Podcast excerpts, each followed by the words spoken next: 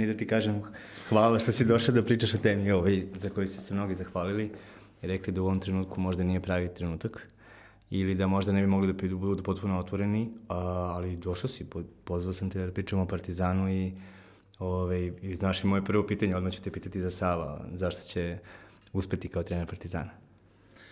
Hvala tebi na pozivu, naravno, a zašto će uspeti, jako je teško odgovoriti, ali možemo da pričamo o tome Kako ga poznaješ, kakav je on? da bude da. razlog da uspe, između ostalog i ta logika velikih brojeva moraće jedan pokušaj da bude uspešan.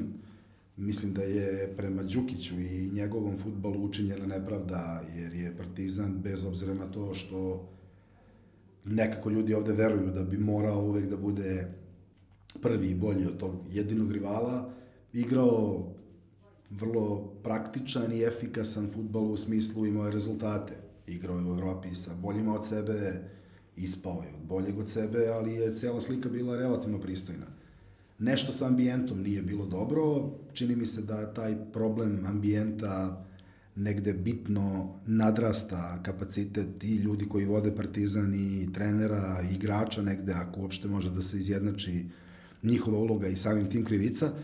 Tako da, u stvari je vreme da nešto profunkcioniše.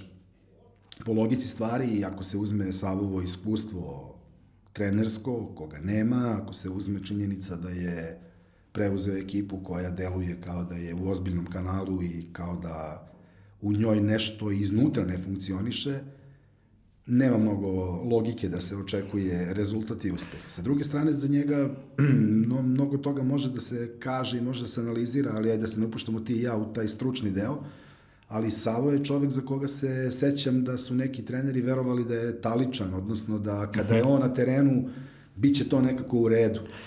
I, I bilo je utakmice takvih, nije, nije bilo je, bilo je, bilo je, bilo je. Ako je to logika, onda sačuvaj Bože i Savu i Partizan, onda ništa tu nije dobro, ali ako je to neko zrno iznad, onda što da ne.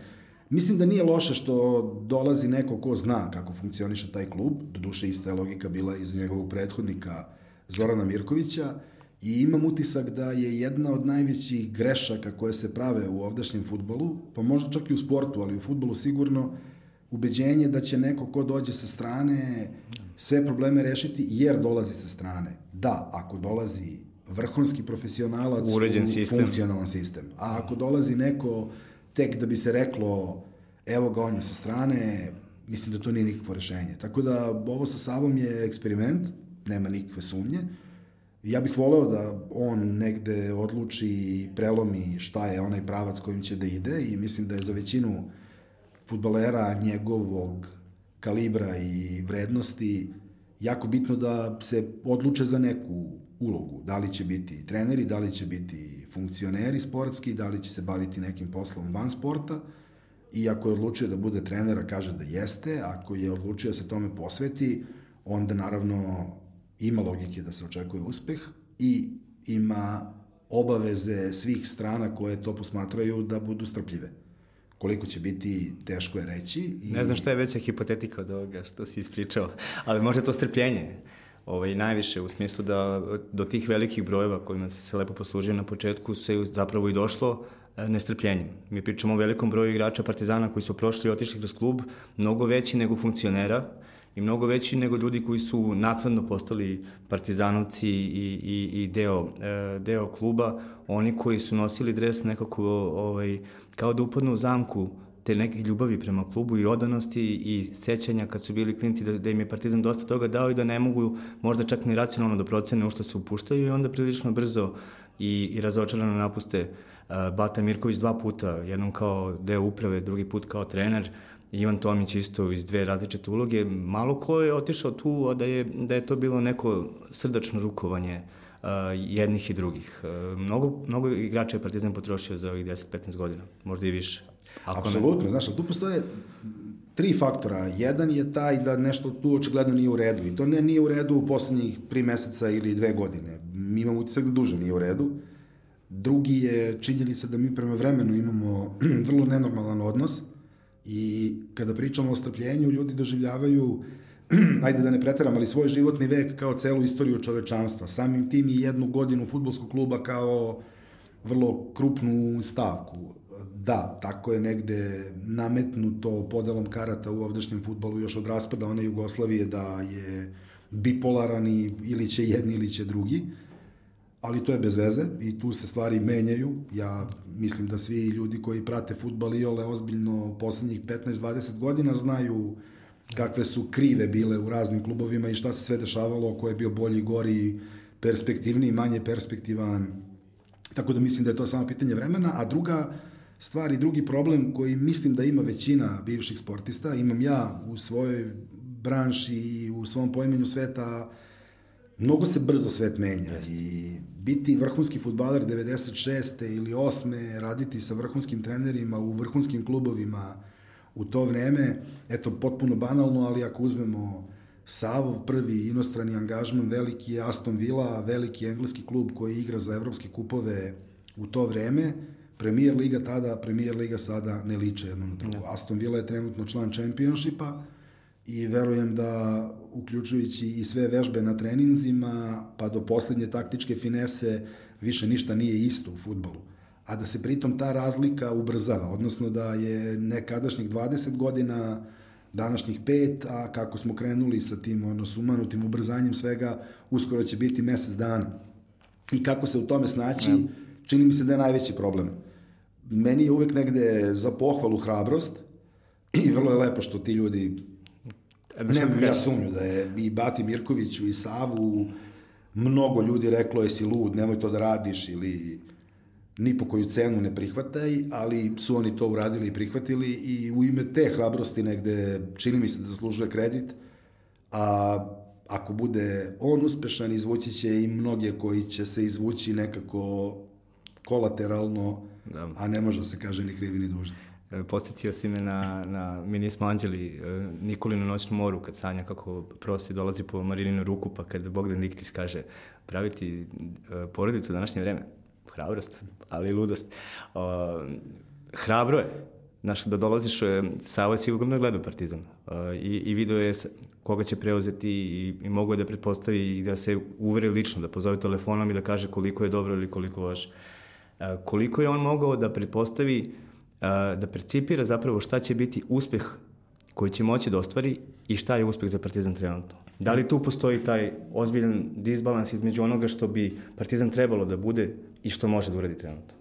Meni se čini da je jedna od stvari koju većina javnosti zanemaruje i većina ove, da je nazovemo stručne javnosti koje pripadamo, a to su novinari i mediji, prilično previđa krupan problem Partizana i bavi se aktuelnim problemom Partizana. Da, nije dobro kada Partizan igra loše, kada izgubi od Spartaka u Humskoj ili, ne znam, od Voždovca koju nedelju kasnije ovaj, bez većih problema i bez prilike da praktično ne izgubi, ali je problem Partizana trenutno mnogo kompleksniji. Meni je fascinantno da je svima tema kako to ne koristi se pauza da se imenuje novi trener, čeka se poslednji dan, a ne vidim reakciju na to da se famozni presek UEFA zakazan za poslednji dan marta rešava od 20. A intenziviraju radovi 26. To je neverovatna stvar. I imam utisak da je pod pretpostavkom da Partizan može u nekoj bliskoj budućnosti da igra neku Evropu, a Ako uzmeš poslednjih 15 godina, to se češće dešavalo nego što nije. Onda ključna stvar bila ta licenca i borba za još jedan pokušaj da se domogne Evrope. Nisam samo siguran da brzina kojom se stvari dešavaju omogućava da se već do juna mnogo toga uradi, a već do jula sklopi ozbiljna takmičarska ekipa koja će već u avgustu igrati utakmice koje odlučuju o tome da li ima zdravog prihoda od 5 ili 10 ja. miliona evra ili nema. To mislim da će biti najveći problem i Savu i bilo kome u toj u tom lancu i imam utisak da je sada negde stiglo na naplatu i višegodišnje zanemarivanje ispravne Tako selekcije. Tako je, to je Ja zaista mislim da tu ima ono... Nema, potrošio se, kasica pratica se e, obila, i nema više onoga, nema, nema učešća za dobru sezonu. To su uvijek bili klinci koji su davali nešto, neku bazu oko koje se posle formiralo ovaj, e, nešto što se zvao Partizan koji igra Ligu Evrope u kontinuitetu ili Ligu da, šampiona. Priča o strpljenju. Da. Znaš, da bi ti klinci, ja verujem i da ne znam, Đerlek i Marković i Strahinja Pavlović i Kokir i ko zna ko još od kadeta ili klinaca koji su u teleoptiku može da bude igrač. Ali postoji redosled poteza. Svi partizanovi veliki igrači koji su ponikli iz škole uz par incidenata, ali i ti incidenti kad pogledaš vremenski mnogo su bliži današnjem vremenu nego ne znam da. 15-20 unazad su postajali igrači tako što su prvo imali s kim da igraju i nije niko od njih očekivao Divna je meni ta priča romantična, Saša Ilić ulazi protiv Kroacije i pokaže prvim dodirom da je igračina, ali niko od Saša Ilića te godine ne očekuje da on rešava partizanove utakmice i da Tako on je. bude taj, nego on polako sazreva ili brzo sazreva, ali sazreva. A ideja o čarobnom štapiću, pa ti sad poseješ par talentovanih klinaca, da, Nikola Milenković odigrao je sjajnu sezonu u ekipi koja je imala ipak težište na klupi i imala kao vrlo bitnu stavku Leonarda Đurđevića, golove, borbu za trofeje, on vrlo brzo izraste. Da je ostao još godinu dana u Partizanu, Partizan bi više zaradio, sigurno. Da li bi on napredovao koliko je napredovao u Fiorentini, ne znamo, ali je neko vreme prošlo. Čak i tih godinu dana Nikola. Milenković da. nije bio isti u junu da. protiv Zaglebija i sledećeg maja protiv Zvezda u finalu kupa. Da, kad se, kad se pojavi igra sa razlikom, nekako godinu dana bude, eto, prihvatljivo. Stefan Savić je isto manje, bio. Manje, da. Manje. Stefan Savić manje, do duša ide, on je Matija, doveden. Matija nije ni, ni, ni, ni, ni toliko o, ostane, ajde da se niko ne uvredi, ali ono najbolje ode nekako pre, prebrzo bez i, igrači se ni ne vežu za nje, navijači se ni ne vežu za tog klinca, ne, ne, ne, ne dogodi se situaciju u kojoj će se vezati tribina sa nekim uh, klincem iz uh, E, Zemunela koji se probija, možda i zbog toga što se i kod njih izgubila ta uh, mistika proslave gola ispod juga, nego već nekako razmišljaju o tome kao da, možda bi mogu pre prvog profesionalnog ugovora da, da odem negde preko. A to sve polazi od vrha kluba. Ti, polazi, Partizan da, ne liči je... na klub u kom ti želiš da ostvariš svoje snove trenutno. Tu su sada dva problema koji se ukrštaju, a oba imaju istu tragičnu posledicu po današnji Partizan. Jedno je da igrom slučaja sam tako čuo od ljudi koji dolaze ovde, skauta, koje kakvih agenata, predstavnika nekih menadžerskih kompanija, da kada se dolazi u Srbiju traže se igrači koji imaju 20, ne traže se stariji od toga. Naravno, neko će otići sigurno i sa 25 u nekoj varijanti u ozbiljnu ligu, ali ovi od 20 ili tinejdžeri su zaista cilj i po njih dolaze.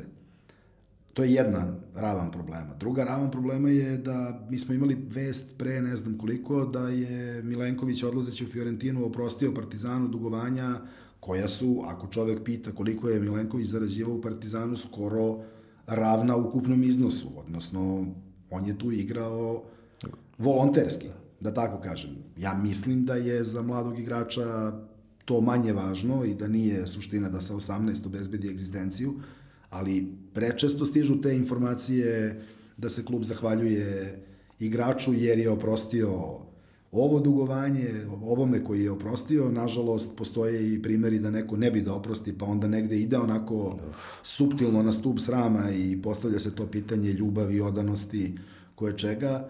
Ljubav tog tipa ne postoji. Ako te neko tera da voliš, jako ćeš teško i obrnuto. Ako te neko maltretira u ime toga što voliš, može za čas da se okrene situacija i ima se utisak kada se pogledaju reakcije igrača Partizana, kada se pogleda njihovo ponašanje, ne mislim da je nesportsko, ne mislim da je u tom smislu sporno, ali do, dosta neke ljutnje, dosta jest, jest. neke sene i na tim trenucima Tako je. radosti, kojih nije bilo previše, vidi ali ih je bilo. Vidi se na slikama, to na snimcima, da kao kad uh, telo emituje neku, neku oslobađanje nekog stresa, uh, proslava gola. Nije nasmejana, nije, nekako je sve kao da se nešto jako loše desilo, pa smo u nekom periodu uh, uh, ne znam ja da sada da navedem pravi primer, kao da nešto iza njih uh, ih muči, prati, ali eto, oni guraju dalje i ostalo. Ali kad se priča o, o, prošta, o, praštanju dugova,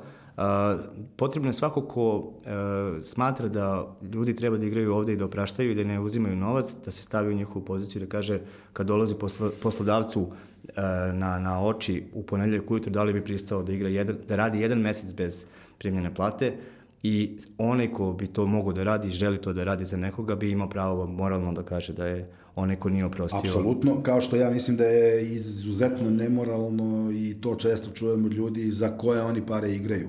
Ja se slažem da je besmisleno da ozbiljan deči kardiohirurg ne bude plaćen koliko bi trebalo da bude plaćen, ali su futbaleri preplaćeni, nazovimo to tako, u odnosu na ostatak društva, zahvaljujući futbolskom tržištu, koje je otvoreno tako je. u svakom smislu te reči. Oni ljudi, ako se može reći ljudi, ljudi jesu, ali deca sa 18, 19 odlaze u taj glob-troterski život, putuju po Evropi ili ostalim kontinentima, nema tu neke velike veze, nema tu neke nekog čvrstog razloga da budu vezani za ovaj prostor ili za Tako jedan klub I kada se sve to spakuje, ako on može da zaradi puta 10 u nekom Kazahstanu ili ne znam, Švajcarskoj ili Bugarskoj, jako ga je teško zadržati pričom o tome ti si naše dete, mi tebe mnogo volimo. Prvo, a drugo, čak bi i ta strategija ti si naše dete i mi tebe puno volimo pila vodu kada bi to dete bilo sigurno da ako da. dođe baš dobra ponuda će klub reći ma ne, mi njega volimo i mi na njega računamo. Nažalost ne, nego potpiši taj prvi profesionalni ugovor, to nije problem Partizana, to je prosto A dobro. problem prostora, ali kao potpiši prvi ugovor da bismo te mi prodali, ako iko moguće, Bože zdravlje u januar.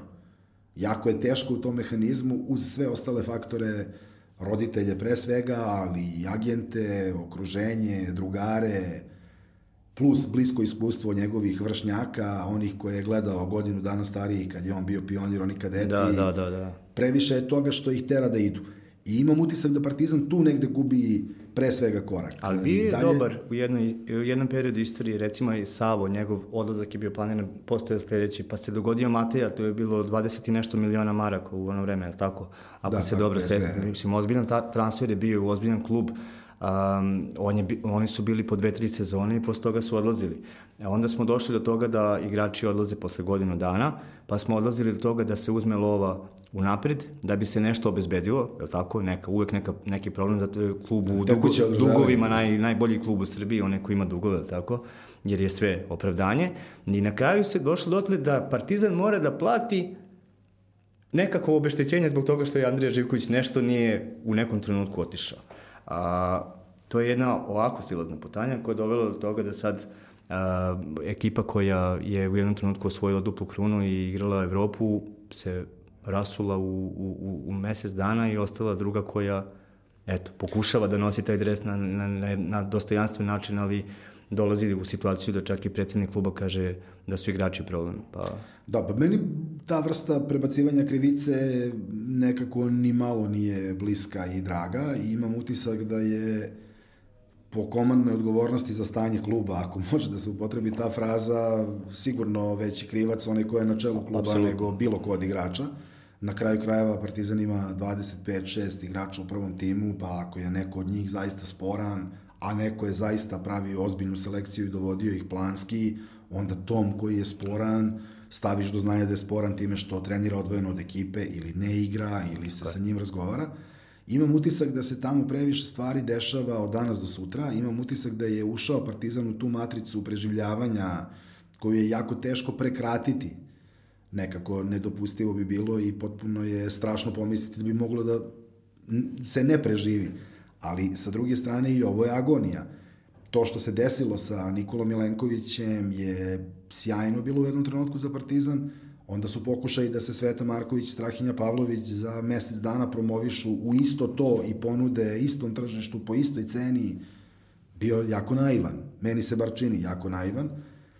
I jedina nada za Partizan je u teleoptiku, odnosno u Partizanovoj omlinskoj školi se dešavaju neke stvari. Bilo je poslednjih godina promena uh, čini se da to negde staje na noge i da se organizuje malo bolje, a siguran sam da je ne samo za Partizan, nego za većinu klubova ne samo regiona, nego i cele te bivše istočne Evrope, nazovimo je tako, u stvari jedini spas, da tako proizvode puno solidnih i što više dobrih.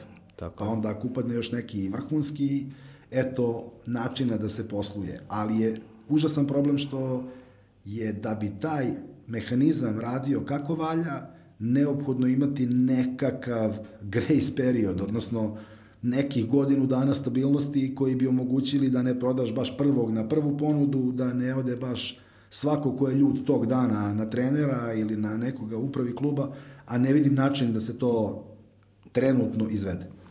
Da, šala da u, Partizan, u Partizanu u ovom trenutku nisu podeljene samo plate, sve ostalo je podeljeno, i uprava i tribine na, na dva, tri dela, ne, ne postoji jedan deo za koji bi se neko uhvatio i kaže dobro, ali imamo dobru atmosferu na utakmicama, ajde izgurat ćemo sa klincima naredne dve godine. Uh, u, u klubu često smo svedoci da se kumovi između sebe, eto, neće da razgovaraju više, svako ode na svoju stranu. Ako su se Bjeka i Zeka u nekom trenutku našli na različitim stranama, to je dovoljan pokazatelj po koliko osnovo je Partizan podeljen. Sve suprotno onome što je bio zamišljen prilikom osnivanja kao nekog, kao ovaj, ujedinitelj svih ljudi koji su živeli na prostorima bivše Jugoslavije, do, malo je paradoksalna situacija o, u klubu. Nije malo, ali sad načeo si ovaj, više tema od kojih je meni najinteresantnija upravo ta o partizanovom identitetu. E, da, jedan jugoslovenski klub bio je vezan za državu u kojoj je nastao. Partizan je osnovan mimo svih navijačkih prozivki i prepucavanja u Beogradu i u domu Jugoslovenske narodne armije ili tadašnje Jugoslovenske armije, ali jeste bio jugoslovenski. Veliki broj navijača partizana, starijih generacija, ako možemo da uzmemo i tu vrstu veze, odnosno neke, neke konstante, verovao je u ideju jugoslovenstva, verovao Tako. je u levo, verovao je u, pa ajde, kosmopolitizam, Dobro, ako nije bez veze da to kažem. su bile uvek iznad grba da podsete. Da, tako. i onda je u svim ovim sumanutim našim prelomima, promenama i neobičnim situacijama došlo do toga da u stvari kako se u svim sferama društva dogodila potpuna konfuzija, gde u istom trenutku Ja inače ne mislim da ultimativno za jedan klub navijaju ljudi iste Tako ideologije, je. istog socijalnog miljeja, iste vere, da, nacije, to izgubilo, da. potpuno je sve jedno, zaista. Ako se u Glasgowu izgubilo, onda, onda se svuda Prvo to, drugo, ako ovaj sa Turbanom u okolini Manchestera voli United kao da mu se Čukun deda rodio u Salfordu, onda o čemu mi pričamo, mislim, zbog čega bi ovde bilo bitno. Ali ovde se zaista desilo da yes. u tom nekom ludilu Partizan izgubi i navijači Partizana deo identiteta i sada među njima, što je u redu, naravno, ne mislim da je razlika sporna stvar, imaš neke potpune ekstreme. Ne pričam uopšte o podeli tribine koje je iz druge ravni, ali imaš ljude koji su to ozbiljni tesničari, imaš ljude koji su levičari, imaš neke koji su bliski centru. Imaš puno toga konzervativnog što drži do onog nekadašnjeg partizana, imaš one koji smatraju da taj deo istorije sporan, pa se malo, malo pojavi neko ko priča o tome da li je da, grb da, u redu, da. da li je... Što je bez veze. Imaš tribinu na kojoj se pojavljuje neka ideja zajedništva, setnog, retro, jugoslovenskog i imaš grupu navijačku koja se zove Srbi, ima mrtvačku glavu na majici, slavi Ratka Mladića, Sve je to normalno Šešer, u smislu da kao postoje različiti pristupi drugim stvarima, navijanje za jedan klub je konstanta i to se dešava i drugim klubovima i na drugim prostorima, ali je jako teško tražiti identitet u tome. Jedan način na koji klubovi u savremenom futbalu imaju snažan identitet je u stvari taj brand awareness koji da. nastaje kupovinom vrhunskog asa, prodajom dresova, ne znam kakvim sve metodama pravljenja hajpa oko kluba, za to je potreban novac i kvalitet. U ovom trenutku ni jedno ni drugo ne stanuje u Humskoj ili bar novca ima malo, a kvaliteta nedovoljno. I teško da može da se sa terena stvori ta slika. Da, u toj ja verujem da ne bi da. bilo 700 ljudi na stadionu bez obzira na podelu ili 1000 i po ili 3, nebitno, da tu igra pet igrača koji su u perspektivi vrhunski. Partizanova trenutna snaga, kada uzmeš 11 koji su izgledali protiv Čukaričkog ili koji će igrati protiv Niškog radničkog, uz veliko poštovanje prema njihovim sportskim dostignućima, Vladimir Stojković, Zoran Tošić, Saša Ilić nisu budućnost Partizana. Oni da. su ljudi koji su ozbiljnim, zrelim futbolskim godinama, neko I potrebni bi rekao kao takvi, toga, ali, na, da, ali, ali ne kao budućnost. Tako je. Meni je recimo jedna od stvari koja me najviše nervira i za koju mislim da je onako jedan kontinuirani propust, ne, nema veze sa ovom upravom Partizana, to je mnogo duži period, Nestvarno je da je Partizanova jedina zvezda poslednjih deset sezona Saša Ilić koji samom činjenicom da je mnogo utakmica odigrao u dresu Partizana, stigao Vukotića, jeste zvezda tog kluba i to je kraj priče, ali sa druge strane moralo se ponuditi nešto novo. Ne, nije realno da se ovaj koji ima 13 identifikuje samo sa čovekom koji je godina možda njegovog ćaleta ili da. ujaka, strica, Kako... nije važno. Morao bi neki klinac da bude taj koji će ga povući. Ako već ne možeš da dovedeš Ronalda ili Ibrahimovića. Kao to bi verovatno povuklo gomilu klinaca. Tako da imam utisak da tu koju god ravan da dotaknemo, negde je anahrono, negde postoji problem. Postoji pre svega u toj stalnoj borbi da se nešto reši do ponedeljka ili do prvog ili do 15. I mislim da bi gomila tih propusta mogla da se fakturiše upravama kluba, bilo da je reč o ovoj aktuelnoj ili onoj prethodnoj, ona prethodno imala rezultate, pa je to negde dobrim delom dobro, ali kad ne postoji, ne postoji uh, kod nas transparentno poslovanje, ne postoje podaci koji su dostupni bilo, bilo gde, bilo kuda, može možda na sajtu APR da se pogleda koji je, koja je menica spuštena na račun jednog kluba, ali ne može da se uđe u, u, u dubine poslovanja i kome je šta plaćeno. I u takvoj situaciji kontrola nemoguća, da je ovaj, Uh, maltene e, svako bi mogao u bilo kom trenutku da kaže da je neko drugi odgovoran to je boljka našeg društva generalno. Naravno, to tako je da... najlakše reći, ovi pre mene uništili sve, vidim da je ovde popularna fraza kostur iz ormara, to se malo, malo pa stižu kostur iz ormara, nema sumnje da je u vreme kada je Dragan Đurić bio predsednik Partizana čitav niz poteza povučen, verovatno u nekim sličnim iznudicama kao što je ovo sada. Ja ne verujem da iko dođe i kaže prodaćemo sjajnog futbolera za koga možemo da dobijemo 10 miliona za dva onako, nego verovatno su ti ta dva neophodna do preko sutra Bukvalno. i nema izbora. I s te strane ja mislim da je svaki sledeći negde nasledio ozbiljno breme. Ali ono što se s druge strane može videti to je ta katastrofalna selekcija gde meni zaista nije jasno, nije mi jasno ni kod domaćih igrača, da. igrača koji dolaze iz domaće lige, kako je moguće da nekoga koji igra 30 kola na 100 ili 200 km odavde ti dovedeš, a on ti u stvari nije potreban, a to se dešavalo prečesto, tako tek ovaj neobjašnjivi trend da se bar po jedan besmisleni stranac dovede godišnje sa kojim već po sletanju na aerodrom i posle prvog treninga Jasno, da se baš i ne znaš tačno šta da radiš. Ono. Da. I sad kad pretpostavljam da ljudi koji prate futbola, posebno navijači Partizana, mogu lako da se sete Norvežanina koji je stigao nazvavši sebe Neymarom, valjda zbog frizure ili šta već u januaru, koji nema minut odigran u dresu Partizana i o kome više niko i ne priča. Ali kome da naplatu dugova koji prvi kluba, stiže, koji prvi stiže prvi sigurno. stiže, ne treba mu ni minut, tako da... Niti će čekati drugu arbitražu UEFA, nego kada prvi put budu pomenuli njegov dug, advokat Absolutno, i agenti će je. biti spremni na ono, šalteru neke ovdašnje banke. Tako se ide ovako. Pa da. tako se u principu klizi, da. Ne bi bili dovoljno konkretni ako ne bismo naveli primere te Partizan nije postupio kako je mogao. A jedan od najboljih primera, iako ljudi to ne vole, kad se, upore, kad se porediš sa nekim rivalom ili iz komšiluka, prilično to lično shvati, ne vole, on, uvek se stresu. Ali Mamić je izbacivo iz kancelarije kad mu se ne svidi ponuda. Čini mi se da ovde se to redko dešava, da, da, da je samo pitanje ko će prvi da se javi i da je i koliko tu može da se ostvari uh, o različitih vidova plaćanja, a da e, nema nekoga ko će da kaže izađite napolje, uvredili ste klub i igrače. Da, ajde, hoće da odamo ljudima tajnu o čemu se radi. Ja to priča koju sam čuo i to ajde. iz vrlo pouzdanog izvora od osobe koja je bila prisutna. Olimpik iz Marseja došao je po Lovrena svoje vremeno i u nekim internim pričama bilo je pominjeno da bi 4 miliona, 4,5 za Lovrena bili sjajan posao za Dinamo. Ovi su se pojavili, Mamić je krenuo da kuka kako de baš njega, on mu je ključni i bez Lovrena nema budućnosti. Od, od aerodroma još. I ove, ovi kao bi baš njega, on baš nekako, ako ikako moguće, vodite sve, samo nemojte njega, da bi u jednom momentu neko od ljudi koji su došli iz Francuske rekao, da su spremni da ponude 5 miliona. Onda su prisutni u prostoriji i pomislili kao super, četiri smo želeli, peti ćemo dobiti, super. A Mamić je bio u fazonu, izađite napolje, ja neću da pričam više sa vama, vi mene podcenjujete, vi nas vređate. Da. Ovi su kao, pa ne, stani i ili vi ili ja i izašao je Mamić. Nisu uspeli da ga dobiju, pojavio se Lion par dana kasnije je platio Lovre na šest ili šest i pa više se i ne sećam.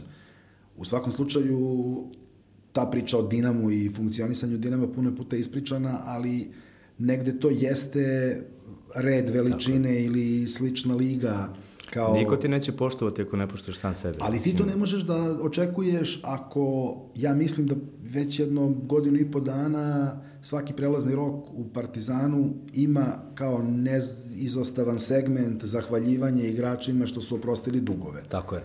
Onog momenta kada znaš da igrači opraštaju dugove, a ti si agent igrača, ne želiš da tvoj igrač bude tu ako može negde drugo i ako može nešto bolje, onog momenta kada znaš da klub otplatom, odnosno otpisivanjem dugova igračima rešava problem UEFA-inih kontrola. To zna i drugi klub. Ne nudiš tri, nego nudiš dva. Da. I ako znaš da im je potrebno dva i po, ja mislim da je to ta dva i po ili tri miliona evra koliko je Partizanu potrebno za tu finansijsku kontrolu UEFA u martu, pa ja čini mi se komunicirano više nego ne znam šta drugo, da je i svako polu zainteresovan za to šta se dešava u srpskom sportu znao da Partizanu fale 2-3 miliona. I onda sa takvom reputacijom ti ne možeš da kažeš e, mi ne bismo da damo Pavlovića za 4 ili za 5. Ja imam utisak da u januaru Partizan nije imao dobar potez koji je mogao da povuče. Marković je očigledno bio povređen sama činjenica da posle toga bio na operaciji. Da. Za Ricarda Gomeša postojala je neka ponuda iz arapskog sveta, nisam siguran odakle, ali ne baš potpuno formulisana i ne baš jasno definisana. Sve ostalo što je bilo na prodaju, a imam utisak da je sve bilo na prodaju, niko se nije zaleteo da ponudi sila novac odmah. Drugo, odavno već u evropskom futbolu ljudi plaćaju tako što sada nešto, pa za šest meseci nešto, pa za godinu ili godinu i po sledeće rate ili tranše, kako se to zove, jel? A ovde je situacija daj bre sutra, pa makar manje. I... Pa su igrači prodavani fondovi. Na kraju. Pa da, ja ne znam da to pravilo treće strane koje na sreću FIFA, UEFA poukidale i mislim da je finanski fair play zaista smešno je pričati o finanskom fair playu koji brine Chelsea, Pariz ili ne znam Real sa jedne strane, a Partizan sa druge, ali zaista mislim da je bar taj mehanizam negde ih primorao da koliko Tako. toliko budu transparentni, da koliko toliko bude jasno šta se u klubu i oko kluba dešava. Ono što je suštinski problem i mnogo stariji od ove uprave Partizana, koju nijednog momenta ni na koji način ne bih oslobađao odgovornosti za trenutnu krizu, je činjenica da je od svih mehanizama zarade ostalo je samo prodati nekoga. Bez jasnog cilja koga i kada, bez dovoljnog igrača u ponudi, recimo ja ne razumem zbog čega se ne pojuri omladinska liga šampiona bar jedne godine, jer mi deluje kao dobar izlog, Tako a za nekoga ko prodaje uporno dobar izlog je u pravom smislu te reči dobar izlog. Partizan nema novac od ulaznica, to je već jako dugo takav problem. Ovde postoji praksa da se večito jedan deo ulaznica podeli navijačima, a onda ako na prosečnu partizanu utakmicu u prvenstvu dođe 3000 ljudi i ulaznica bude za prosečnog navijača skupa, a za klub nikakva zarada, jasno je da od toga nema. Nešto novca od televizijskih prava se dobija, zarađuje kako god hoćeš, igranje u Evropi naravno menja sliku bitno i ostaje da javna preduzeća negde iz, da. pa možda pre samilosti nego poslovnih rezona pomažu. I to nije dobar model, sigurno. Meni je jasno da to nije nešto se promeni za dan, potpuno je očigledno da je previše ljudi pokušavalo da se tim problemom bavi, pa efekta nije bilo, ali ne možeš da zavisiš od toga da li će ti uleteti u sledećoj generaciji dva vrhunska igrača, u stvari potrebno su ti četiri da bi dva potpisala ugovore jer dva neće, nego ćete se natezati i roditelji, i agenti, i sportski direktori, ko već, i da bi onda jedan od njih profunkcionisao u seniorskom futbolu kako valja, da bi ga ti za godinu dana prodao. To je premalo. Strpljenje. Vraćamo se na početak emisije. To je premalo da. i mislim da je I to... I stručni rad, naravno. Pa ja čak za taj stručni rad negde najmanje mislim da je sporan. Ja nemam utisak da Partizan izbacuje iz te omladinske škole loše igrače. Da. I dalje je to vrlo pristojno i liči na igrače koji izlaze iz futbalskih škola sličnih klubova. Ali nisu deo nekog uh, plana, nisu deo... Uh, Takav se utisak stiče. Da, da oni, oni da... dođu, uđu tu i tako dalje i onda će na jednoj poziciji odigrati neko, pa će se vratiti neki partizanov igrač, pa će mu uzeti mesto. E, ne, ne, ne, nekad se vidi kada, kada klinac ulazi polako u klub, pa ulazi u prvi tim, pa odigra u kupu, pa da prvi gol, pa, pa ga trener malo ohladi jer je poleteo jer je video da, da, da je počeo da živi nesportski, pa se ovaj opameti, pa se vrati, pa bude još bolji i na kraju postane, ne, ne može više postane legenda kluba, do 27. ga ništa neće zadržati ovde, ali e, na kraju postane neko ko, ko proda neki poster i dres i napravi karijeru. A, ti prvo moraš da dovedeš momke u situaciju da žele da ostanu tu, a, da im poznaš prave ugovore i da im plaćaš. Ako im ne plaćaš, oni su već posle dva meseca po futbolskim pravilima slobodni da nam bilo koji arbitraži napuste klub. Što znači da Partizan i svaki drugi klub koji im ne plaća redovno plate dovodi na nivo amaterizma. Da svaki igrač u bilo kom trenutku ko nije dobio e, dva, dva meseca platu može da ode bez ikakvih... To je kao kad igrate folklor. Dođete na probu petkom uveče, upiše vas tamo šef da ste bili, ali sledeći put ne morate, ne, dobije, ne dobijete platu, niste vezani nikakvim ugovorom. A, funkcionisanje i okretanje, to je i dulje rekao, toliko izjava je bilo i toliko predloga, predloga i svega, e, Zimus na pripremama kad su igrali sa Šahtjerom, kolega je bio i, i, i izveštavao odande i jedino što je dulje, dulje rekao je Partizan je zaboravio na svoju decu. Odigrao je, odgledao je Partizanove pripreme, odgledao je treninge i tu, tu nema ekipe oko kojih će se dogoditi Moreira, Dijera, Žuka i neko ko će doći sa strane napraviti uh, napraviti uh, samo dodatni kvalitet. Da. da. Pa da, ali sad je problem i odakle krenuti. Ovi koji imaju 18 ili se još uvek bore da imaju mesto u prvom timu ili su, a možda i jedno i drugo već na izlaznim vratima, da li vraćati igrače koji imaju 27-8, pa od njih napraviti taj kostur koji bi kako kažu neki treneri bivši Partizana, dao tu bolju krvnu sliku ekipe, odnosno nekako doveo, jer je vrlo jednostavno, ili imaš surovog profesionalca koji puno vredi i rešava ti utakmice, ili imaš nekoga kome je važno što igra tu i trudi se. Ako imaš jedno i drugo, ti si super, ali bar jedno od ta dva podrazumeva neku vrstu kvaliteta i neki relativno pouzdan izgled ekipe Šta na terenu. Šta bi ta dva?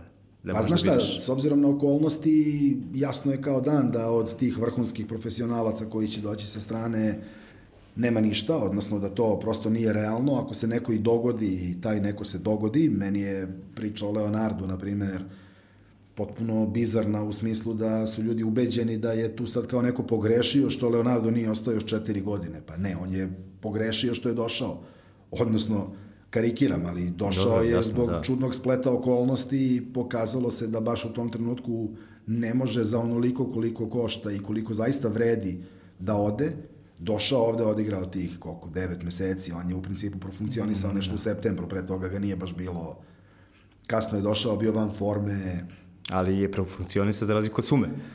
I profunkcionisao, ali sa sumom je napravljena drugačija stvar. Leonardo je došao negde ispod radara, kao znalo se da je on e, neki pa to, solidan igrač to, i ne znam to, šta, da, da, da. Suma je... Ja mislim da je Prince Teigo poslednja osoba oko koje je toliko ovaj, Jeste pričano i o kome je toliko pisano s tim što je on bio prvo Tagoe, pa je bio zvezdin pik, pa je onda stigao u Partizan i nije baš da spada u istoriju tog kluba kvalitetom. A Suma je bio ozbiljan promašaj i Suma je bio jedan od onako vrlo plastičnih pokazatelja kako se ne funkcioniše. I ja zaista mislim da je za svaki posao potrebno, pored onog profesionalnog umeća, i neko menadžersko umeće, što si viši u hijerarhiji, više u hijerarhiji to više. Ne mogu da shvatim da neko dođe iz računa da klub koji može da ima 10-12 miliona godišnje budžeta ili da. 15, koliko već, ima taj luksus da jedan igrač košta dva. Ne znam u kojoj... Ko, ko ne znam bi kakav bi on tačno morao da ima... Direktor svoje firme to dozvolio. Eto. Pa to je sad pitanje, da li zaista... Ja sam vlasnik, ti si direktor i dolaziš mi sa predlogom da dovedemo ili kupimo ne znam šta, naš godišnji obrt je... Pa meni se čini da je to potpuno neozbiljno i da to na kažem. nivou sedneš, izračunaš, napišeš na papir, aha, ove godine 15, od toga za ovog gospodina 2, onda kažeš, ma ne vredi, gospodin nije za nas, nama treba neki od 500, hiljada, na primer. Tako I taj je. da nam bude taj najbolji ili šta već. Ali to je sad pitanje i iskustva, umeća, menadžerskog.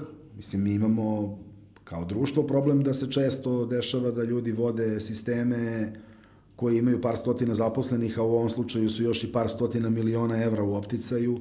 I par koji desetina miliona evra duga. Vodili, da, ali koji nisu pre toga vodili sličan ili drugačiji sistem, koji nisu negde prošli kroz to. Ja nisam siguran da je lak put funkcione, e, do, od sportiste do funkcionera, naprotiv, mislim da u većini slučajeva jako malo škole prođe paralelno sa sportskom karijerom, pa osim što zvuči jako lepo i nekako svi volimo da kažemo kako bivši jasovi vode ovo ili ono, malo su... ima primjera gde su bivši jasovi uspešno vodili, pričamo o ekonomskom delu Oni su nekako upućeni na trenere. Treneri su njihovi očevi, ili tako? A to je valjda ali, stvari njima da, ali ne da. provode vreme u kancelarijama gore da se donose strateške odluke u klubu i da sede poslovni direktor, da, sportski ne znam, direktor. Da, čudno to. Meni ni, ta situacija nije baš pretrano jasna, ambijent nije dobar. Ja mogu da pričam samo iz perspektive nekoga ko profesionalno ima kontakt e, kada za... ga imam.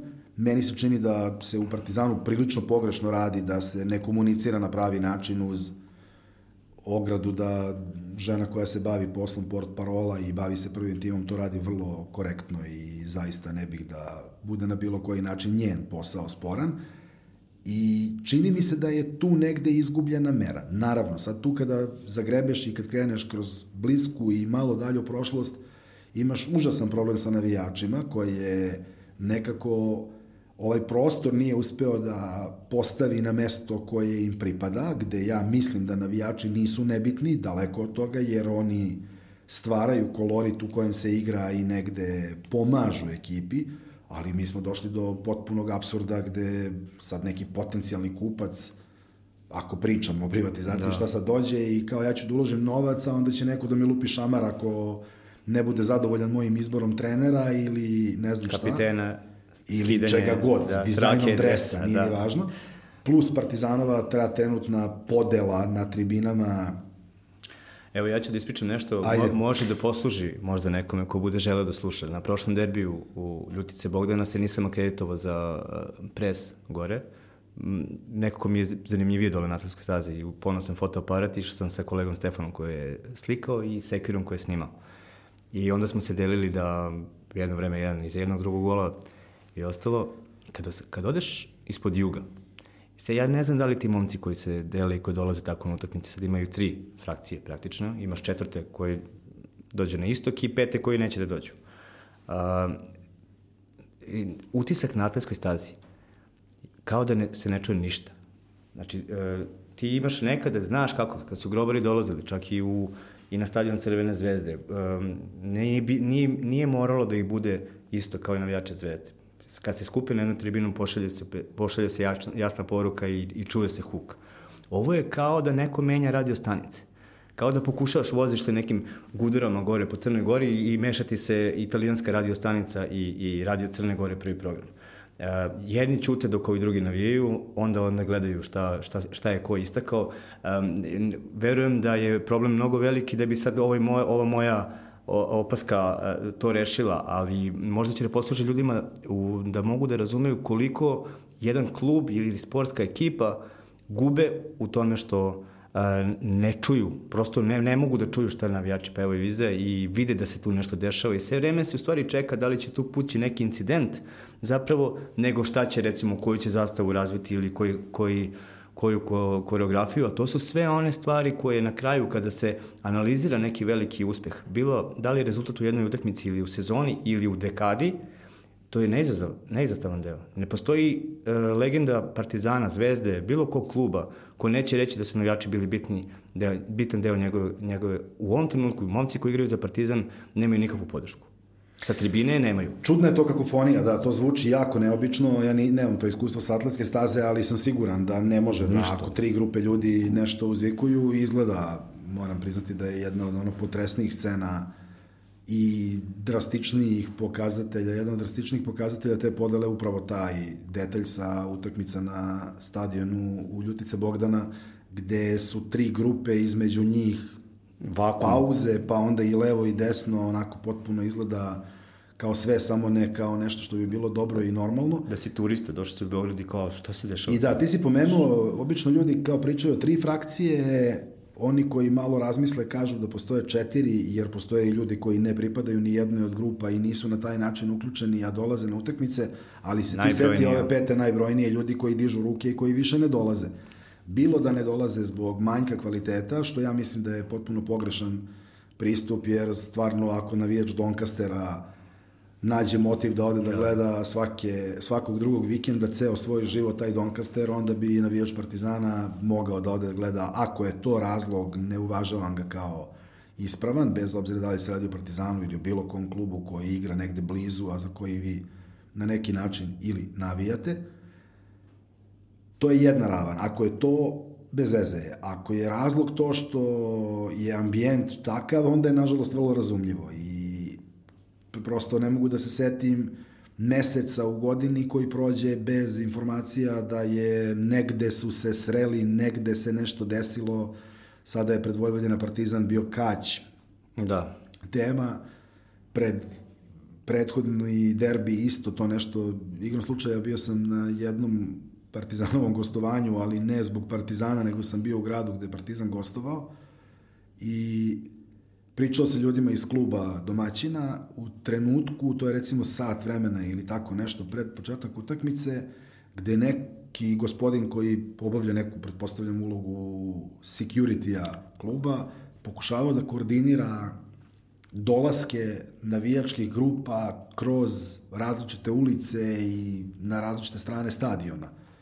I onda mi je onako palo na pamet, na toj utakmici je bilo možda 2-3 hiljade ljudi ukupno na tribinama, ili četiri, i bilo je u te tri navijačke grupe Partizanove u tom trenutku možda 500 i neka bude i 1000, nije Dobro. važno, ali kao sat vremena paklene logistike, gde će koje je odeljenje, koja jedinica, mislim, niti ja to razumem, niti sam pratio pažljivo, ali shvatiš da se u stvari dešava neka neviđeno važna i velika organizacija da bi tri grupe navijača istog kluba da. došle na utakmicu tog kluba. Tako se rasipa energija. To je tako apsolutno. Se, znači, ako govorimo da je zbir uh, uh, jednog kluba ono što se oseti na stadionu, kad uđe, izađeš na nečiji stadion i shvatiš da si izgubio utakmicu u tunelu, uh, to je zato što su ti ljudi gore jedinstveni i što su oni do, došli sa stadion, na stadion ubeđeni da će tog dana pobediti. Ako ti dolaziš na stadion gledajući da li će ti doleđe kamenica sa ove strane jer su tamo zabranjeni, a ovde su Kimijevi, a ovde su Jugi ili kako se već zovu, a ti nisi došao skoncentrisan na utakmicu, ti ne razmišljaš u tom trenutku, čak i kao navijač, podcenjuješ svoju mogućnost da možeš da pomogneš ako se uključiš na pravi način i gledaš na pravi način i navijaš. Uh, to je rasipanje energije i Partizan se rasuo na dosta strana i e, postoji jaz između igrača koji odlaze i uprave koji ostaje. Postoji jaz između uh, uprave i novinara zbog toga što mi svi, svi vidimo da i ova emisija je negde i moja potreba da razgovaramo o Partizanu, mogu sam da dovedem neku drugog da pričamo lepo priču o kako se sastavlja fantasy tim i ostalo, je sad malo mračimo, ali tako je, prosto je, prosto je, Partizan ne deluje kao uh, klub u koji kad uđeš osetiš da si ušao negde gde će sutra se desiti neka velike stvari, na, biti pun stadion i, i, i, i odigrati se velika utakmica. Šta je zaboravio, verovatno svašta, one thing led to another, ono kao domine, ali ako bi mogo da kažem gde je jedna stvar u kojoj bi Partizan mogao da se okrene, da se vrati, da se začauri i da napravi nešto, to je taj Zemonelo da ga. Ja mislim da je to ako pokušavamo da nađemo zaključak da. i ako smo mi ipak samo kibiceri, Tako je. a ne znamo šta se sve dešava unutra, mislim da to nije jedna od nego jedina. Ako to jedina, stane, jeste, stvarno jeste. mislim da više načina da Savo, da funkcioniše bata... nema, da. I Partizanu je trenutno prioritet da opstane u smislu financija, odnosno da ga ne uguše dugovanja, otpisani dugovi, prolongirani dugovi, nije to baš tako jednostavno to što je 31. marta se došlo do neke formule koja omogućava da u ljudi iz UEFA kažu dobro, ok, dobit ćete licencu, ne znači da, da do... Nisu pokazali keš, nego... Ne znači da do 30. juna neko od igrača koji su sada napisali, ok, dugujte mi 50 ili 70 ili 200 hiljada evra, neće doći za dve nedelje i reći, ljudi, meni treba, dajte odmah ili ko zna šta Tako da je to jedna bitka koju u Partizanu vode, pretpostavljam da će je rešiti s obzirom da se bliže prelazni rok i uvek je najteži taj mart jer je daleko i da. stanove regiona. da, da, da. Nažalost, to nije dugoročno rešenje. Godini, da. da, to nije ovaj dugoročno rešenje. Ne vidim da postoji mogućnost, volim, volio bih da grešim, ali ne vidim da postoji mogućnost da se proda 10-15 hiljada godišnjih karata ni sledeće, ni one tamo, ni one iza sezone Ostaje prodaja mladih igrača, s obzirom da nema nekog vrhunskog kvaliteta u onim dobrim futbolskim godinama, pričamo o igračima koji imaju 23, 5, 7, takvih Partizan trenutno nema, ima možda solidnih par, ali većina su ili stariji ili mlađi od toga. I onda to pretresti još jednom šta se ima u kadetima, šta se ima u mlađim kadetima, šta u pionirima, videti sa kojim školama futbala u gradu ili po Srbiji može da se napravi neka saradnja. Tu je, na primjer, Partizan jedno vreme imao ozbiljan primat, odavno ga nema i mnogo više talentovane dece odlazi na druge adrese i to ne samo na drugu stranu brda da, i ne da, samo da, u Zvezdu, nego i u neke druge klubove koji očigledno nešto mogu da ponude što Partizan u ovom trenutku ne može. I Ili onda... se samo bave time ili se samo bave time. Da, ne mislim, ja mislim da se u toj omladinskoj školi Partizana ljudi bave. Nekako njih ne bih ovaj... Da, ne mislim konkretno na njih, nego Partizan kao klub možda nije usperen, pa, je pocenio... Nekako uh, imam de... utisak da tu širu sliku nemaju da, i da im da, nije da, baš najjasnija jedini način opstanka je taj. Proizvoditi svoje klince, dovoljno njih da popune 7 od 11 mesta na terenu ili 5, 3 ili 5 mesta na klupi, Tako je. Od 25 na treningu imati 12 svojih. Onda si ubo jednog kog si vratio. I, I neko si, će se naći u ligi, to, nije, nema Ali tako su formirani e, e, ekipe Partizana pa koji su pravile uspeh. To je način. Druga da. opcija je naravno da padne s neba 100 miliona ili ne znam, da. milijardu, pa onda ti odeš na tržište i upiraš prstom ja bih ovoga ili onoga. To nije realna priča. Negde malo da, okrenuti se sebi bez ovog po meni bezrazložnog zatvaranja u ljušturu gde je svako pitanje koje dođe sa strane malo i problematično i provokativno i nije na mestu. A kad nemaš da odgovore, da svako veze, pitanje moguće da je to ovaj, razlog.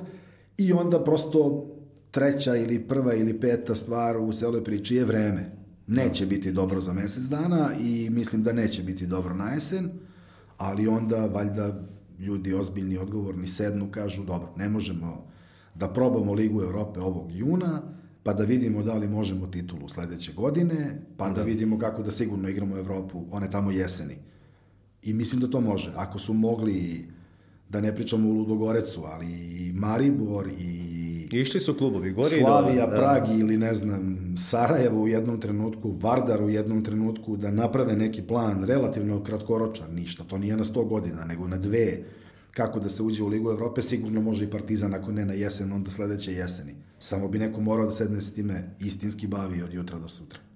Uh, malo smo pričali o traženju identiteta, to smo nekako brzo smo prešli, povuklo nas je na, u današnje vreme, ali smo dobro izanalizirali koliko toga je trenutno pogrešnog u Partizanu. Da li je to u stvari uh, ono gde je nastao GTR kao uh, neka, kako da kažem, uh, zamena identiteta, da, da je ljudima koji su osmislili sve to uh, u njihovih glavima partizan nešto drugo u odnosu na ono što je danas.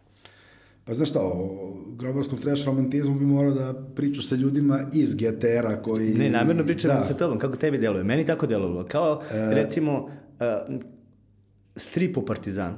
Pa recimo, da, ali mislim da je negde sama situacija na terenu, odnosno skup činjenica i onoga što se dešava u Partizanu i oko Partizana već dugo kritično blizu absurda. I onda je ovo bilo logično ishodište. Onda absurdno je, absurdno mu pristupimo. Da, činjenica je da navijači imaju potrebu da u nedostatku rezultata i dobrih stvari ili prepoznaju bizarne vrednosti koje ljudi koji nisu navijači nikada ne mogu da shvate i ne žele da se time bave, ili da se vrate u neko vreme koje je lepše. Pa sad, ako nismo sada najbolji Možda smo bili 73. To je... Mislim, ja sam video u Solunu čoveka koji ima veliku nalepnicu na kolima Iraklis FK, učesnik u UEFA 87. na primjer. I to fura tako, ala molim lepo, da. 87. Mi smo bili učesnik kupa UEFA. Partizan još nije u toj situaciji, ali da, mislim da je i taj vid neobične estetike i verovatno većini ljudi neprihvatljive ili čudne, nekada uvredljive i problematične, odgovor na bizarni trenutak Partizana. Jest. I u nekom uređenom, uspešnom, trofejnom i razigranom Partizanu ne bi ni blizu imao toliko prostora Tako koliko je. ima u ovom sivom, sadašnjem. Da li će neke nove generacije drugačije voleti Partizan i drugačije mu pristupati, ja stvarno ne mogu da procenim, znam samo da rezultati negde determinišu ko će imati koliko i kakvih navijača. I u to ime mislim da su mnogo čvršći, bolji, odaniji i iskreniji navijači, bilo da pričamo o Partizanu, Zvezdi ili nekom trećem, oni koji su postali navijači u lošim godinama Tako i godinama neuspeha. Tako da iz te perspektive možda mogu da budu mirni, stariji ljudi koji vole Partizan, bit će nekih klinaca koji će navijati. Bilo bi predivno da ne kreću s motkama na stadion i da ne odmeravaju drugara iz škole ili komšiju iz kraja koga bi mogli da istuku zbog toga što pripada drugoj frakciji ili navija za drugi klub, ali bit će takvih nekih klinaca, bit će klinaca i u tom Zemunelu i u partizanovim selekcijama s obzirom da kako smo krenuli sa tri godine će početi deca da treniraju futbol, bit će ih i sve više. I ja verujem da će od nekud ta energija da se pojavi. Da li je lako, nije, da li će brzo, mislim da neće. I da li hoće, siguran sam da hoće. Dobar šlagor si dao na ono što sam želeo da kažem, da čitajući neke literaturu poput ove crno-bele ideologije, ili tako? Dobra knjiga prava ostrašćena onako iz ugla uh, ljudi koji su je pisali kako su oni doživjeli Partizan. Uh, Partizan 77. 78. ima prosek od 28.000 navijača u, u Humskoj, što je danas ne, glupo i da pričamo, ne znam zašto govorimo uopšte. Misliš da je rezultat tadašnji ipak slabiji i da, od sadašnjeg. Da, da, nego hoću da kažem da a, će ljudi navijeti za Partizan, samo pitanje da li će dolaziti na stadion, a da je jako bitno to što si rekao sa, za Motku, i to govoriš iz ugla Ćaleta koji, koji je svoju ljubav i strast prema futbolu prenao i na klince koji trenira. A, jako bitno da se ljudi a, bar znaju da ako će se dve navijačke, navijačke grupe potući, a, neće sevnuti ni jedno hladno oružje i niko nikog neće udariti dok leži na a, zemlji. Ja sam sa svojih 38 godina odrastao u vreme kad se to negde podrazumevalo, počelo se menja 90-ih. Došli smo dotle da snimci tuče sa zapada, istoka, juga govore sve suprotno tome da je nasilje čak onako i popularno, dobro. Bolje prolaze na YouTube-u snimci gde je brutalnije nasilje od onog šamara, recimo nekog i tako dalje. Ne znam da... Dobro, to sad naravno ne odvojiv deo kada se priča o klubovima, su navijači u koje spadaju i oni najpristojniji ljudi koji samo prosto iz nekog razloga vole sport i neki klub. Uh, do onih najagresivnijih koji u zemljama razvijenog i normalnog mehanizma ne mogu da rade šta hoće jer je to kažnjivo i postoje zakoni ili se zakoni primenjuju, ali jeste u društvu koje ima previše mržnje negde i koje previše agresije dozvoljava i samo sebi negde toleriše, I ta ravan problema postoji. Ja znam, igrom slučaja, meni je dete veliko, tako da više ne brinem na taj način hoće li se živ vratiti sa stadiona i prosto se negde nadam da se takve stvari, svaki put kada se neko zlo desi, zaista najiskrenije pomislim, valjda je poslednji put, bez obzira o kojoj tribini i o čim navijačima pričamo. To je prosto, čini mi se i ole normalnom čoveku, apsolutno neprihvatljiva stvar. Ali je veliki problem i to, što ako planiraš da povedeš dete na utakmicu, ja ne volim taj ovdašnji stereotip kako eto ne može niko da dovede dete, ali objektivno ako vodiš dete na... Tu ti je negde.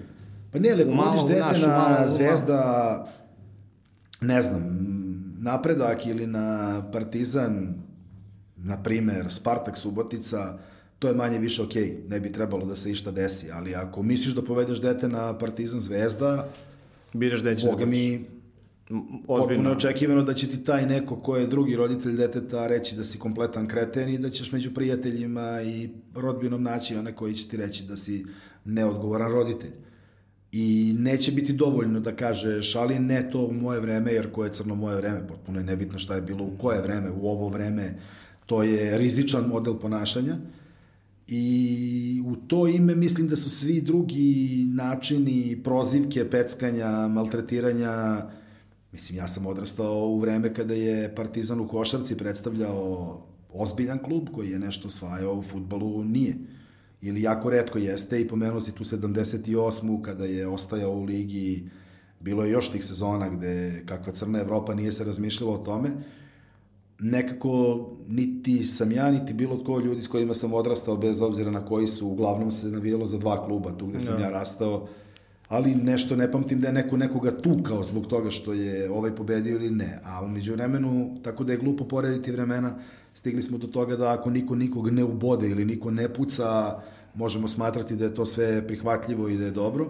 Uz još jednu stvar koja mene potpuno izluđuje, ali kao prosto običnog građanina, a to je čak da to što je neko navijač podrazumeva da je legitimno i da bije i da bode i da puca i kada nema veze sa sportom, nego prosto je to tako u neko doba dana negde u gradu ili van grada.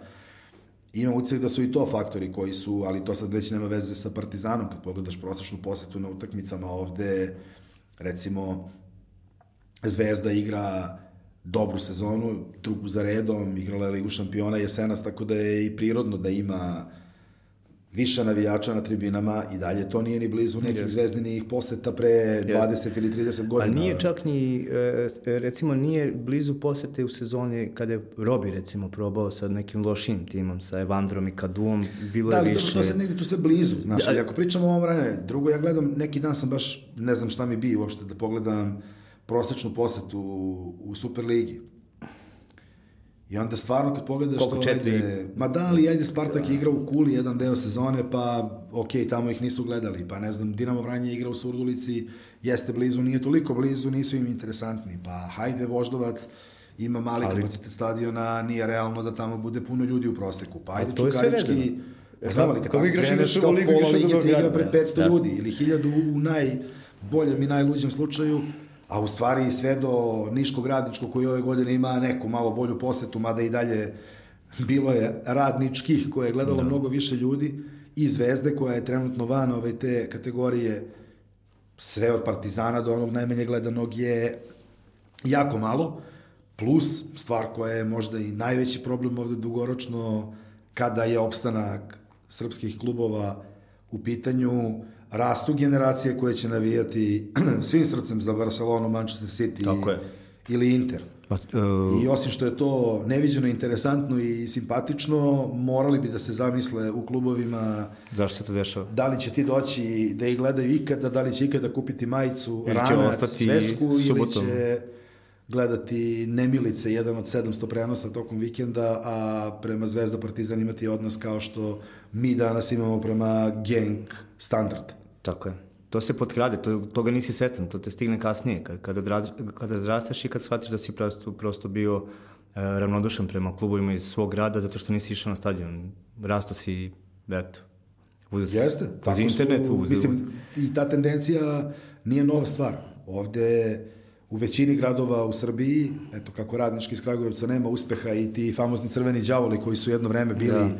poznati po nekom lokal patriotizmu i vezanosti za klub, ja ne vidim u Nišu tribinu sa 5000 ljudi koji navijaju. To što ima po nekog u Subotici, Šapcu, Kruševcu ili nebitno Surdulici ko će da dođe i da navija za lokalni klub, to je i dalje više nego malo. A taj trend može da se završi ili tako što će tamo da počne da se puni i da postaje A. važno ili i ovde da prestane da bude. Ako se to desi, onda ako pričamo o Partizanu, neće ni Zemunelo pomoći, jer kakve god igrače da izbaciš, ako niko ne bude dolazi da ih gleda, brzo će oni da beže, a cena će biti manja. Partizan je crno i belo, a mi smo u crnom sat vremena već, ovaj, pa bi malo promenio temu, da te pitam ko je 11 najboljih igrača koje si gleda u Partizanu. Pa znaš šta, 11 najboljih, kada bi morao kroz vremena da ih sklapam, ogrešio bi se o neke koji su mi bili važni. Da, neće se ljutiti. I ovaj... Pa ja mogu ti kažem koja je ekipa koja je meni negde Ajde, bila tako. ono... To Merović, Radović, Rojević, to 83. godina, u stvari to je Stojić, Radović, Rojević, Trifunović, Stojković, Radanović, onda napred su bili, viš koliko sam već ono stari dementan postao, Momčilo Vukotić igrao te sezone, Mance igrao te sezone, Varga, to je Klinčarski i ko bi mogao da bude 11. Fali jedan. Za Smajića mislim da je prerano, mislim da je prerano. Pogledat ću. Ali dobro, Čava Dimitrijević, igrao ili nije igrao, ali to je recimo ti neki partizanovi timovi koji ništa spektakularno nisu uradili. Taj 82. treće je bio prvak, ali 84. 5. 6. što ima više, vreme, više veze sa Tvojim godinama u kojima sam ja bio. A ne mogu da kažem da mi je Miloš Milutinović najveći igrač Partizana svih vremena, jer ga nisam video ili ne znam, Milan Galić ili Ali ko Bobeka. jeste? Pa kao dete, kao klinac sam mislio da je Moca Vukotić to bog sam i da nema većeg futbala od toga i nekako tada su ljudi dugo igrali ovde, pa sam ja znao ne samo sastave Zvezde, Dinama ili Hajduka, nego i Slobode iz Tuzle ili Veleš. Vardara bez problema. Bili su isti ljudi po 4, 5, 6, 7, 8 godina. Mislim, neko bi otišao, povukao se, neko bi se vratio, ali tada mi je to nekako bilo najfascinantnije. Kasnije, kako sam odrastao, posle kad sam počeo da se bavim ovim poslom, sve se to menjalo, pa Tako kao, je. gledao sam neke majstore, ja mislim da recimo Stevan Jovetić, jedan dragulj koji je igrao za Partizan, pomenuo se u jednom trenutku Diaru, Moreiru i Žuku i sve je to divno, ali je meni recimo iz tog vremena ostao samo žal što je Jovetić igrao prekratko na našim ovim terenima i što on nije ovaj, mogao da ostane duže, prodat je relativno brzo, kasnije su ga povrede masakrirale, ali mislim da je bio, na primjer, ogroman igrač. Mijatović je isto jedan od prolaznika vrednih i važnih, ali kad pogledaš njegovu karijeru, jako je malo vremena on proveo u Partizanu da bi ovaj, ostavio ne znam kakav trag, a i ja sam već bio matoriji, pa mi to nije ovaj, tako delovalo. Mance je, zahvaljujući toj nesrećnoj sudbini i tragičnom Da. kraju, kao i većini ljudi kojima je Partizan bliži, ostao negde na poseban način važan. A u principu žao mi je što Partizan nema i mislim da neće imati kako vreme odmiče ma ni svog Totija, Bergomija, Maldinija, Barezija, verovatno do kraja sveta, iz moje perspektive, s obzirom da niko neće dovoljno dugo ostati, a nekako mi se čini da se za igrače vezuješ ako imaju kvalitet, ako se trude, pomenuo si jednog od momaka koji su mi bili jako dragi kao igrači, Igora Duljaja, iz samo jednog razloga ili iz dva, pošteno rečeno. Jedan je što je putovao od nekud da bi trenirao kao klinac i onda je naravno to samo po sebi lepa priča, a drugo što sam potpuno siguran da ni sa jedne utakmice nije otišao Da nije dao tako što je mogao da da još malo. Nije, dao je šta je mogao. Tako je. To se vidi negde. I onda to da smisao tom futbolu koji možda nije bio mnogo lepši od nekog drugog, ali su igrali... Ne, naravno, trud je bitan aspekt, i to vam pričali smo, ako nemaš vrhunski kvalitet, a ti se bar vrhunski potrudi, pa šta ispadne? Šta ti je sin rekao posljednji put kad je Partizan bio prvi? Pa, on je išao u, to je Niš, jel, pa Lučani, Partizan je dobio u Nišu, pa onda dobio mladost iz Lučana, išao je, bio je zadovoljan, onako on voli futbol, zna ga, dosta ga ovaj, ozbiljno analizira, što mislim da je, Nasledio Ćalet. ma ne, mislim da je velika smetnja, što ga više znaš, manje si emotivan i To je tačno, nekako da, da, da, teško da. je to voleti i I razumeti. Da ja sad, evo, koliko god absurdno zvučalo, nekad mi se učini to neverovatnim, da je nekom to toliko važno, a pritom samo su valjda godine i on prati, zna jako dobro futbol, nekada ga teško gledamo zajedno, pošto on primeti previše stvari na terenu. Posebno kada gledamo nekoga za koga nam je svejedno, hoće li pobediti ili izgubiti neku Evropu ili neku stranu ligu, onda on to nije zatvorio, nisu dovoljno plitko, duboko, usko, široko, Ako, ja mi, ako mi bude falio da novinar, igra. zovem te da... Pa on ode u trenera, definitivno, ali ovaj, meni to nekako igra i jako mi je žao što eto sad nema nekih ono baš igrača o kojima bismo pričali u današnjem Partizanu, ali kad pogledaš taj aspekt zvani ono najzdravije, iskonsko i najvažnije u sportu, skoro da ga više nema. Ono, tema su financije, da. tema je nasilje, Tako si tema je management. Pa znaš, da, kad pogledaš na sajtu, da li, ono, da li je na desnom beku bolje ovo i ono, to niko ne, ne gleda.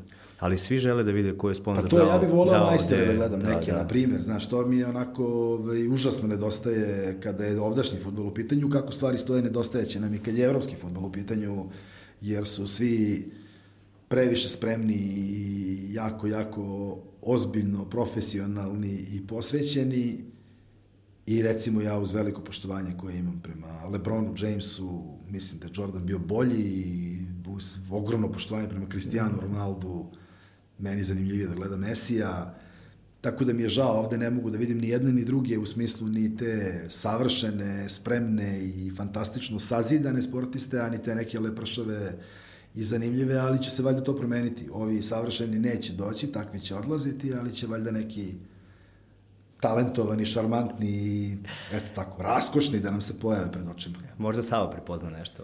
Pa ja se nadam da će on i u, u principu verujem zaista da ljudi koji su sa terena otišli dobrim putem i ostali u futbolu mogu dosta.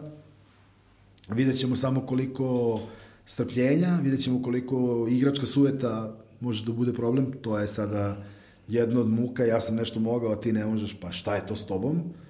Ali voleo bih da se nešto promeni i mislim da bi bilo dragoceno i zdravo. Sad, ne samo za ljude koji navijaju za Partizan, mislim da bi bilo jako važno da Partizan profunkcioniše, jer ipak od Zvezde i Partizana zavisi Tako je. kompletan ovdašnji futbal. I većina klubova, koliko god volili da pričaju o tome da nemaju nikakav odnos sa blizancima i da neće ništa sa njima da imaju, ključne transfere obavljaju preko adresa u Beogradu i najviše novca prihoduju da bi funkcionisali i dalje proizvodili igrače zahvaljujući nekoj saradnji sa klubovima iz Beograda. Ako ostane jedan, to neće stati mašinerija, ali mislim da će biti slabija i lošija.